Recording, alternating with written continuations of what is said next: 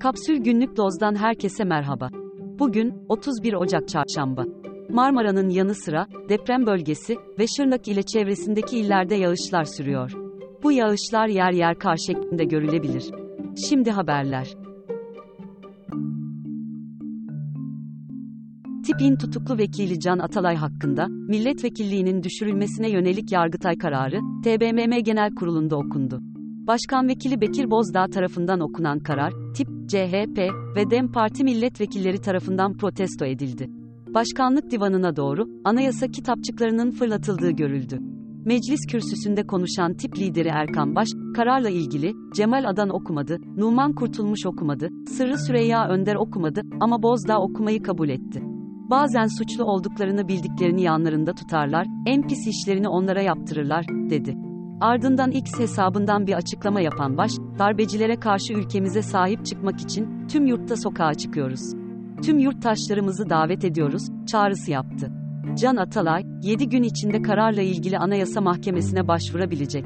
AYM ise iptal istemini 15 gün içinde kesin karara bağlayacak. AKP'nin hukukçu isimleri şu değerlendirmeyi yapmıştı. Atalay'ın vekilliği düştükten sonra yeni bir işlemle AYM yeni bir karar ortaya koyacak. Bu hak ihlali, süregelen ara mahkeme kararına uygun bir işlem yapılmamasından kaynaklanıyor diyecek ve muhtemelen tahliye ve iade kararı verecek. Ardından bu kararı meclise gönderecek, meclis de bunun gereğini yapmak zorunda olacak. Nöroteknoloji şirketi Neuralink'in kurucusu Elon Musk, ilk kez bir insana beyin çipinin nakledildiğini açıkladı. Şirketin ilk ürettiği, Telepati isimli beyin çipi sayesinde, telefon, bilgisayar ve bu araçlarla da hemen hemen tüm cihazların, sadece düşünce yoluyla kontrol edilebileceği aktarılıyor. 2016 yılından bu yana, beyin implantasyonları üzerinde çalışan Neuralink, Alzheimer ya da demans gibi hastalıkları iyileştirmeyi hedefliyor. Bali'de, bir Türk turistin ağır şekilde yaralanmasına yol açan soygun nedeniyle, 3 Meksikalı tutuklandı.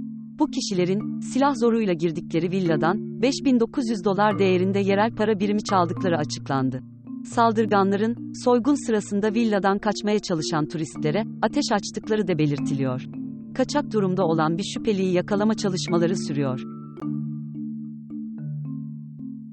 Türk İş'in verilerine göre, Ocak ayında Ankara'da açlık sınırı 15 bin lira, yoksulluk sınırı 49 bin lirayı aştı. Bekar bir çalışanın yaşama maliyeti ise 19.630 liraya yükseldi. BDDK verilerine göre, bankacılık sektörünün Aralık ayı sonu itibarıyla net karı, bir önceki yıla kıyasla %40'a yakın artarak, 603.6 milyar lira oldu. Sektörün aktif büyüklüğü ise, %64 artarak, 23.5 trilyon liraya yükseldi. İngiltere Merkez Bankası, HSBC'yi yaklaşık 72.6 milyon dolar para cezasına çarptırdı. Gerekçe, HSBC'nin müşteri mevduatlarını koruma konusunda kusurlu bulunması. Bu ceza, düzenleyici kurum tarafından bugüne kadar uygulanan ikinci en yüksek ceza. Daha fazlası için kapsül.com.tr adresini ziyaret edebilirsiniz.